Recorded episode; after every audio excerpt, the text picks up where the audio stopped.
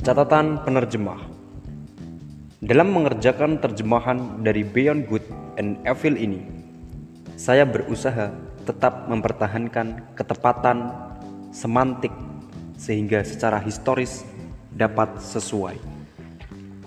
Saya menolak menerjemahkan dengan menggunakan istilah abad ke-18. Konsep-konsep psikoanalitis dan konsep kritis pasca modern yang diantisipasi oleh Nietzsche dalam teks 1886 dan berusaha menggunakan kata Inggris yang belum terlalu kuno ataupun sangat modern. Dengan mempertimbangkan peringatan yang diberikan Nietzsche dalam aforisme 28 bahwa hal paling sulit untuk diterjemahkan dari satu bahasa ke bahasa lain adalah tempo gayanya. Saya juga berusaha menangkap sesuatu dari tempo Jerman Nietzsche dalam terjemahan ini.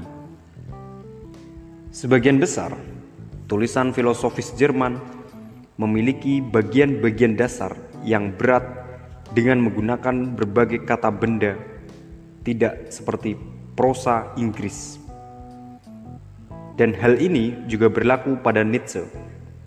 Namun dia biasanya mempertahankan argumennya dengan menggunakan tempo allegro con brio yang energik. Penggunaan tanda baca yang diberikan Nietzsche kelihatan agak aneh dan tetap dipakai di sini untuk mempertahankan tekanan retoris dari pemikirannya tanpa mengalihkan perhatian pembaca. Hal paling penting adalah membedakan paragraf-paragraf yang terdapat dalam bagian terpisah dan sekaligus digabungkan dengan menggunakan tanda garis panjang dalam aforisme Nietzsche yang paling tidak berhubungan satu sama lain meskipun mengakui bahwa sebagian kecil dari seluruh kebesaran pemikirannya dikorbankan. Lihat aforisme 247 tentang kalimat periodik.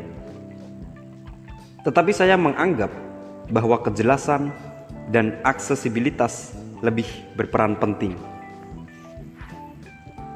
Meskipun tidak terikat oleh konsistensi kategoris apa pun, saya biasanya mengartikan kata gaze yang cukup problematis, yang dapat berarti jiwa, pikiran, kecerdasan, atau intelektualitas, bergantung pada konteksnya. Dengan menggunakan kata jiwa, karena khususnya dalam aforisme 44, Nietzsche menjelaskan perbedaan antara Freier Geist atau jiwa bebas dengan pemikir bebas. Terjemahan tradisional atas konsep-konsep yang sekarang merupakan konsep penting dalam pemikiran Nietzsche atau penguasaan diri perspektif tetap dipertahankan. Catatan akhir dalam terjemahan ini mewajibkan pembaca untuk mengenal tokoh-tokoh sejarah terkemuka, Napoleon, Darwin, dan bacaan sastra klasik The Odyssey, serta menegaskan kiasan-kiasan Nietzsche lainnya. Betham, Lessing, yang dipakai sebagai perluasan argumentasinya. Catatan akhir tersebut juga memberikan terjemahan dari frasa-frasa bahasa asing dan juga menjelaskan tentang permainan kata-kata Nietzsche yang tidak dapat ditulis dalam versi bahasa Inggris. Terjemahan Beyond Good and Evil ini didasarkan pada edisi kritis dari Colli Montianari, Berlin, Walter D. Gruyter, 1968. Di antara terjemahan-terjemahan sebelumnya dari karya ini, terjemahan dari Walter Kaufmann 1966 dan R.J. Holling Dale 1973 sangat pantas untuk dikagumi. Terjemahan saya mungkin berbeda dari keduanya. dalam kaitannya dengan kecenderungan dalam menggunakan bahasa Jerman dan Latin. Dalam bagian catatan akhir yang tidak dapat diartikan dan dalam usaha untuk menangkap aspek-aspek musikal dari bacaan ini. Tujuan utama saya adalah untuk memberikan suatu terjemahan yang kaya bagi para pembaca seri Oxford Words Classic. Saya banyak memperoleh bantuan dari berbagai pihak dalam proses pengerjaan terjemahan ini. Saya mengucapkan terima kasih pada Richard Eldridge, Randall Echon, Dorothy Frede, Joy Geller, Scott Gilbert, Mark Cooperberg, Amy Jill Levine, John McNish, Rosaria Munson, Martin Oswald, dan William Turpin atas keahlian mereka, juga pada Rudiger Bittner sebagai konsultan penting selama proses tersebut. Untuk saran tentang gaya, saya mengucapkan terima kasih seperti biasa pada Stephen Hannaford. Terjemahan ini tidak mungkin dikerjakan tanpa bantuan dari Swarthmore College. Saya juga mengucapkan terima kasih pada Judith Luna di Oxford University Press atas dorongan yang diberikannya. Dan pada Joyce Creek yang bersedia membaca ulang terjemahan ini pada tahap formatifnya.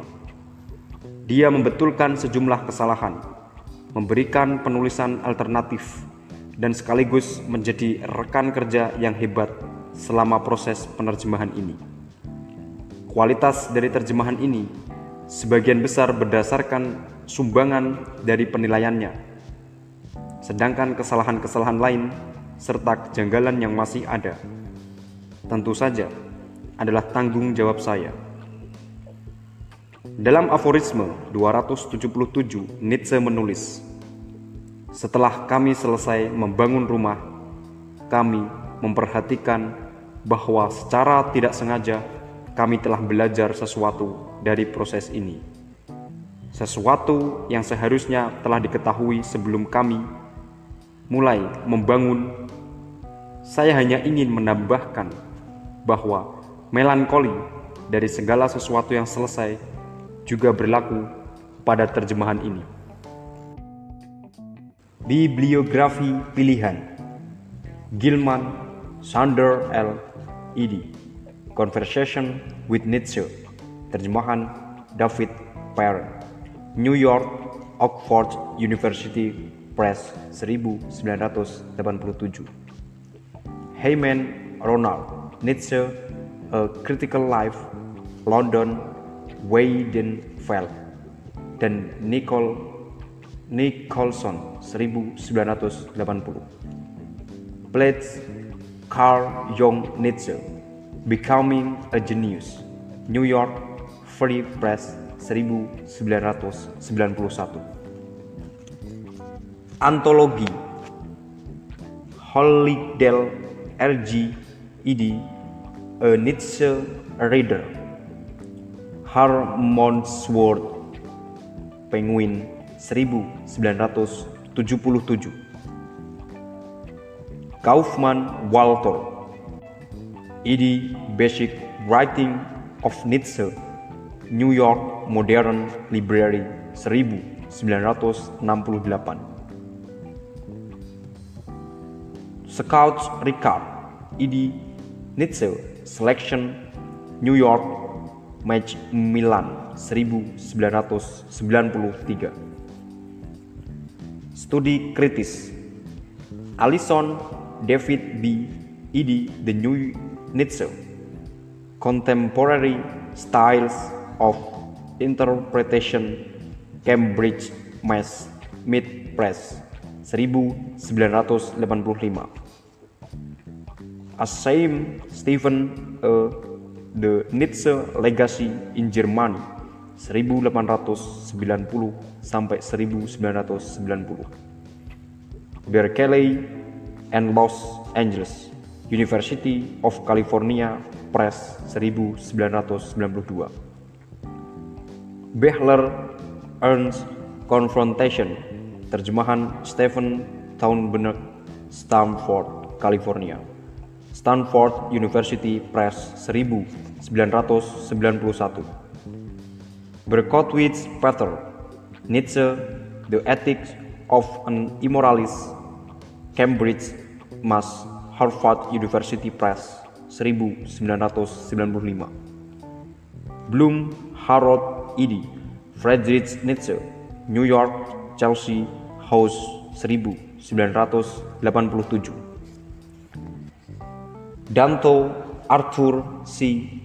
Nietzsche as philosopher New York Columbia University Press 1980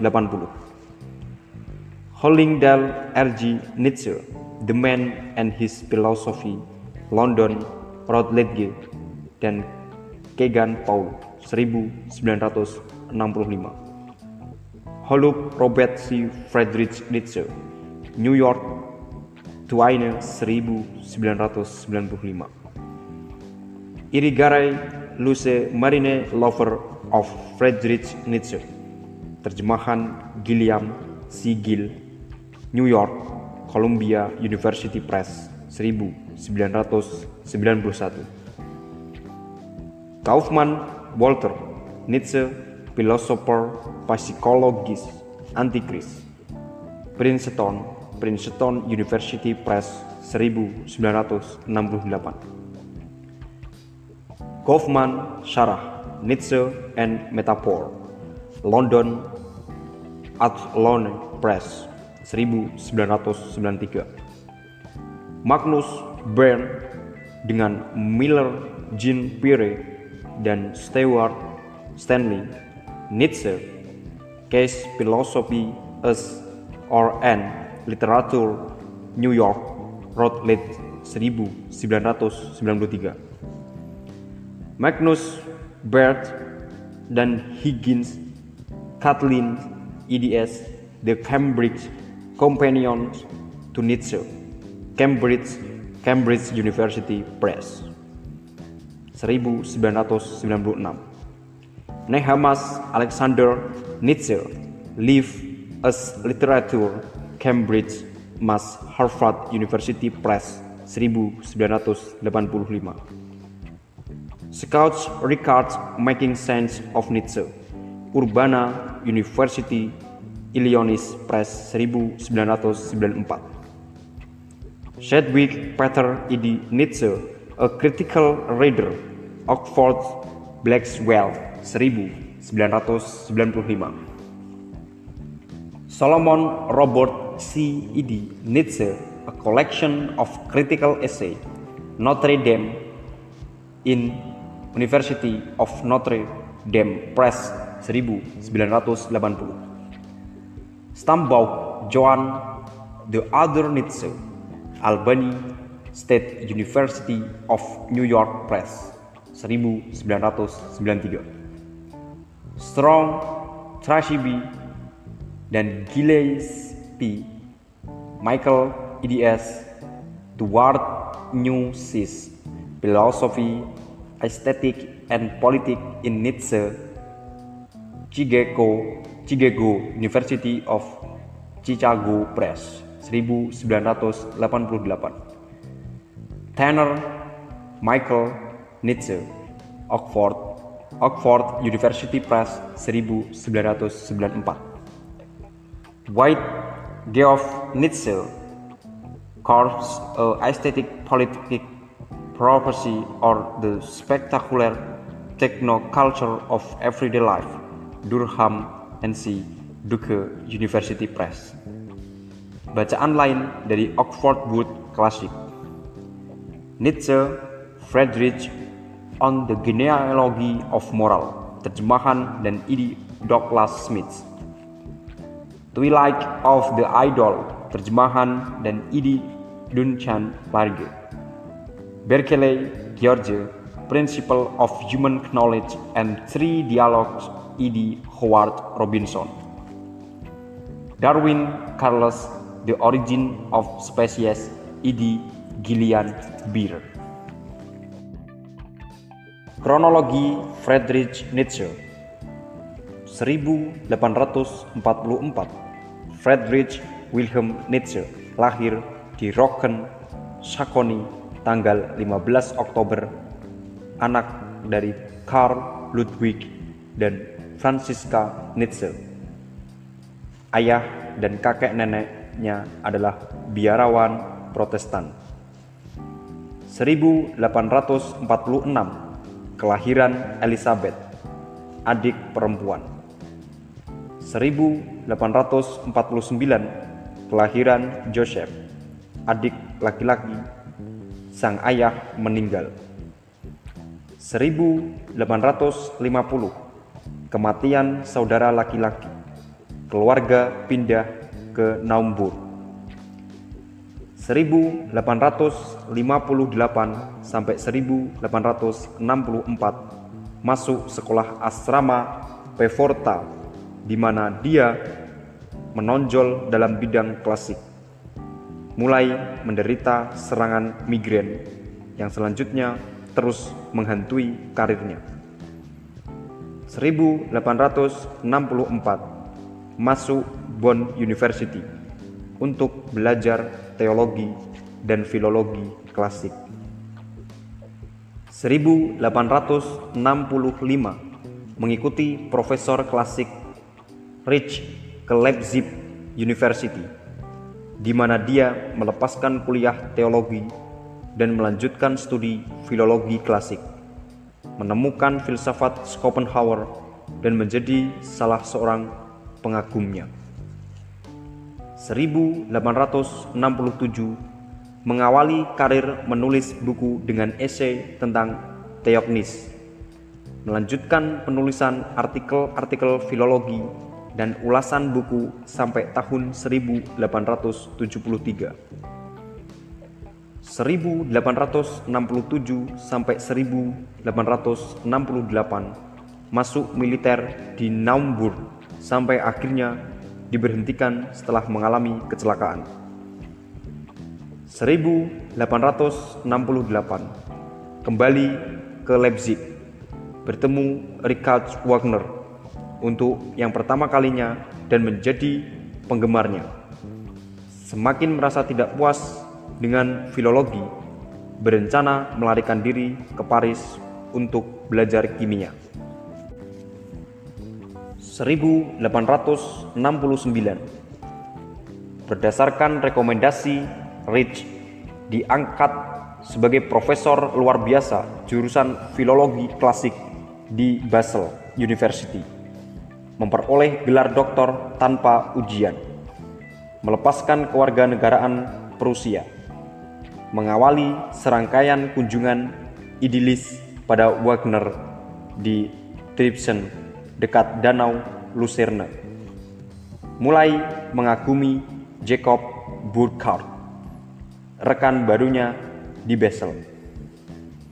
1870 diangkat sebagai profesor penuh, ikut dalam perang Prusia sebagai perawat medis sukarela, namun terkena disentri dan dipteria di medan perang pada hari keempat. 1871 memperoleh izin cuti sakit dari Basel dan mengerjakan The Beard of Tragedy, Jerman Bersatu berdirinya Reich. 1872 menerbitkan The Birth of Tragedy Out of the Spirit of Music yang mengakibatkan dia dikecam oleh rekan-rekan profesornya memberikan kuliah on the future of our educational institution mengikuti peletakan batu pertama pembangunan Bayreuth Festival Theater. 1873 pertama kali menerbitkan Ultimately Meditation David Strauss The Confessor and Writer 1874 menerbitkan edisi kedua dan ketiga Ultimately Meditation on the Use and Disadvantage of History for Life and Schopenhauer as Educator. Hubungan dengan Wagner mulai merenggang. 1875 bertemu musisi Heinrich Koselleck, Peter Guest yang mengidolakan dirinya. 1876 menerbitkan edisi ketiga dan keempat Untimely Meditation Richard Wagner in Bayreuth mengikuti Bayreuth Festival pertama namun tidak sampai berakhir dan selanjutnya memutuskan hubungan dengan Wagner. Sakit memperoleh izin cuti satu tahun penuh dari pihak universitas. 1877 terjemahan Prancis dari Richard Wagner in Bayreuth terbit. Satu-satunya terjemahan yang terbit selama kehidupan mental yang masih aktif. 1878 menerbitkan Human All Too Human, a book for free spirit, yang menegaskan putusnya hubungan dengan Wagner. 1879 menerbitkan pelengkap Human All Too Human, Assorted Opinion and Maxims. Akhirnya berhenti mengajar dengan pensiun. Pertama mengunjungi Engadin dilanjutkan di ST Moritz. 1880 menerbitkan The Wanderer and His Shadow, tinggal di Venice dan Genoa. 1881 menerbitkan Daybreak Stroke on the Prejudice of Morality, tinggal di Sils Maria. 1882 menerbitkan The Gay Science tergila-gila pada Law Address Salome yang menolak usulan perkawinannya. 1883 menerbitkan Dus Spreek Zarathustra, a book for everyone and no one, bagian 1 dan 2 terpisah. Kematian Wagner menghabiskan musim panas di Sales dan musim dingin di Nice dan berlangsung selama lima tahun selanjutnya, semakin tertuju pada kegiatan menulis. 1884 menerbitkan Dus Sprach Zarathustra bagian 3. 1885 Dus Sprach Zarathustra bagian 4 dicetak namun hanya diedarkan pada beberapa rekan mulai mengumpulkan catatan-catatan untuk The Will to Power. 1886 menerbitkan Beyond Good and Evil, Prelude to a Philosophy of the Future. Mengganti penerbit karena perluasan edisi The Beard of Tragedy dan Human All Too Human dengan volume kedua yang memuat assorted opinion and maxims dan The Wanderer and His Shadow. 1887 menerbitkan On the Genealogy of Moral, a polemic edisi pengembangan dari Daybreak dan The Gay Science. 1888 mulai memperoleh pengakuan publik. George Brothers memberikan kuliah tentang karya-karyanya di Copenhagen. Menemukan Turin di mana dia menulis The Wagner Case, A Musician Problem, meninggalkan The Will to Power, lalu secara berturut-turut menulis Twilight of the Idol, or How to Philosophy with a Hammer. Pertama terbit tahun 1889. The Antichrist Course on Christianity pertama terbit tahun 1895 As a Homo or How One Becomes What On Is pertama terbit tahun 1908 Nietzsche kontra Wagner. Documents of Psychologist pertama terbit tahun 1895 dan Dionysius Dictyrems pertama terbit tahun 1892. 1889 mengalami masalah mental di Turin 3 Januari dan akhirnya dipindahkan ke rumah sakit mental di Jena. Twilight of the Idol terbit tanggal 24 Januari. Buku pertama dari buku-bukunya setelah dia sakit. 1890 diizinkan untuk dirawat ibunya di Naumburg. 1894 Elizabeth menemukan arsip Nietzsche di Naumburg membawanya ke Weimar dua tahun kemudian. 1897 sang ibu meninggal. Elizabeth membawa saudaranya ke Weimar. 1900 Friedrich Nietzsche meninggal di Weimar tanggal 25 Agustus. Daftar isi Pendahuluan Catatan penerjemah Bibliografi pilihan Kronologi Friedrich Nietzsche. Pengantar 1 Bab 1 Tentang prasangka para filsuf Halaman 5 Bab 2 Jiwa bebas Halaman 31 Bab 3 Disposisi religius halaman 55 Bab 4 Epigram dan selingan halaman 75 Bab 5 Menuju sejarah alami moral. Halaman 93 Bab 6 Kita kaum terdidik. Halaman 119 Bab 7 Kebaikan kita. Halaman 141 Bab 8 Manusia dan Tanah Air halaman 171 Bab 9 Apa itu mulia? Halaman 199 Catatan penjelasan halaman 237 Indeks halaman 200 55 Pengantar. Misalkan saja kebenaran adalah seorang perempuan. Lalu kenapa? Apakah ada alasan untuk mencurigai bahwa semua filsuf sejauh mereka bersikap dogmatis hanya sedikit mengetahui tentang perempuan? Bahwa jika tujuan mereka adalah untuk memikat wanita, mereka berarti sama sekali tidak layak untuk memperoleh kebenaran dengan desakan yang sedemikian serius dan kaku seperti itu. Satu hal yang pasti, perempuan tidak akan membiarkan dirinya dipikat.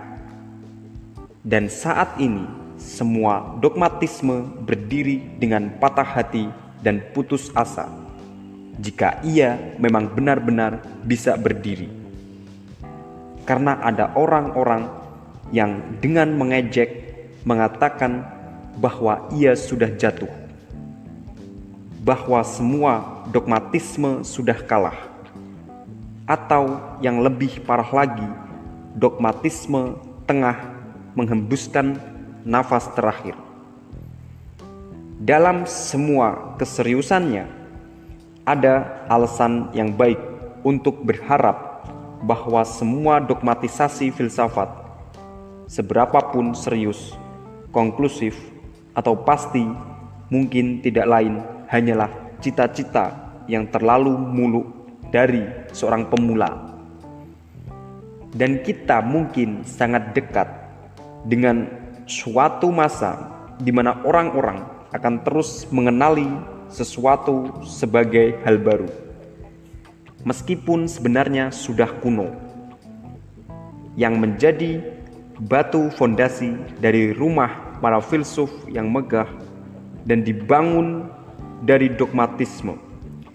Sebagian mendongengkan tahayul dari zaman dahulu kala, seperti tahayul tentang jiwa yang bahkan sampai sekarang tetap menebarkan kejahatan sebagai tahayul tentang subjek dan ego. Sebagian memainkan kata-kata, sebagian menggunakan tata bahasa yang menggoda, atau generalisasi yang nekat dari fakta-fakta yang sifatnya terbatas, sangat pribadi, dan sangat manusiawi. Kita mungkin berharap bahwa filsafat kaum dogmatis hanyalah sebuah janji yang menebar ke seluruh milenium, seperti astrologi zaman dulu yang banyak menghamburkan tenaga, uang, pikiran, dan kesabaran dibandingkan yang diberikan pada ilmu pengetahuan sejati sampai saat ini. Dan dari astrologi dan pretensi supernatural di Asia dan Mesir inilah kita memperoleh gaya arsitektur megah. Di situ tampak bahwa untuk dapat masuk ke dalam hati manusia dengan membawa keharusan-keharusan abadi, semua hal besar terlebih dulu harus berputar-putar mengelilingi bumi seperti karikatum monster yang mengerikan.